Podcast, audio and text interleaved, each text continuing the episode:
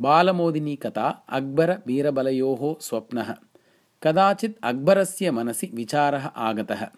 एषः बीरबलः सर्वदा मामेव उपहासपात्रं करोति। मया एकवारं वा सः उपहासपात्रीकरणीयः इति। अतः सः कदाचित् पूर्णायां सभायां बीरबलम् उक्तवान्।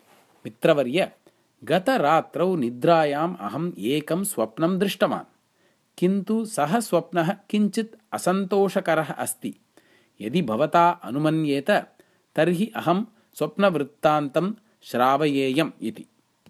महाराज भवान् तु प्रभुः। अतः किम् अनुज्ञाप्रार्थनेन? यत् वक्तव्यम् अस्ति तद् निस्सङ्कोचं वदतु इति उक्तवान् बीरबलः ततः अक्बरः अवदत् स्वप्ने आवाम् उभौ अपि अश्वस्य उपरि उपविश्य गच्छन्तौ आस्व। मार्गे कश्चन सेतुः प्राप्तः। अनवदानवशात् आवाम् उभौ अपि अश्वात् पतितौ। अहं दक्षिणभागे पतितवान् भवान् च वामभागे।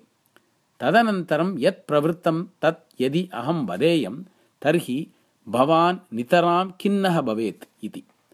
सर्वथा खेदः नास्ति महाराज निस्सङ्कोचम् उच्यताम् इति अवदत् बीरबलः।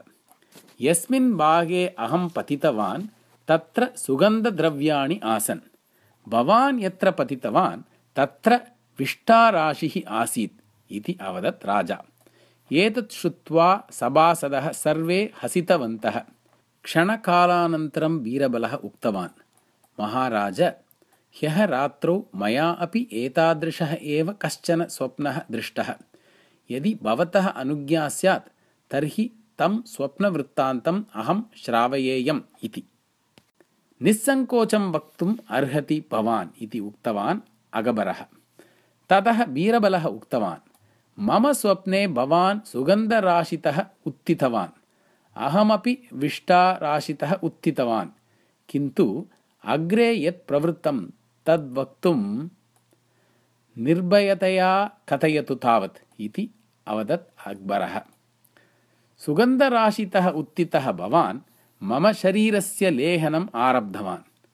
विष्टाराशितः उत्थितेन मया भवतः शरीरस्य लेहनम् आरब्धम् इति अवदत् बीरबलः एतत् श्रुतवतः अक्बरस्य मुखं म्लानं जातम्।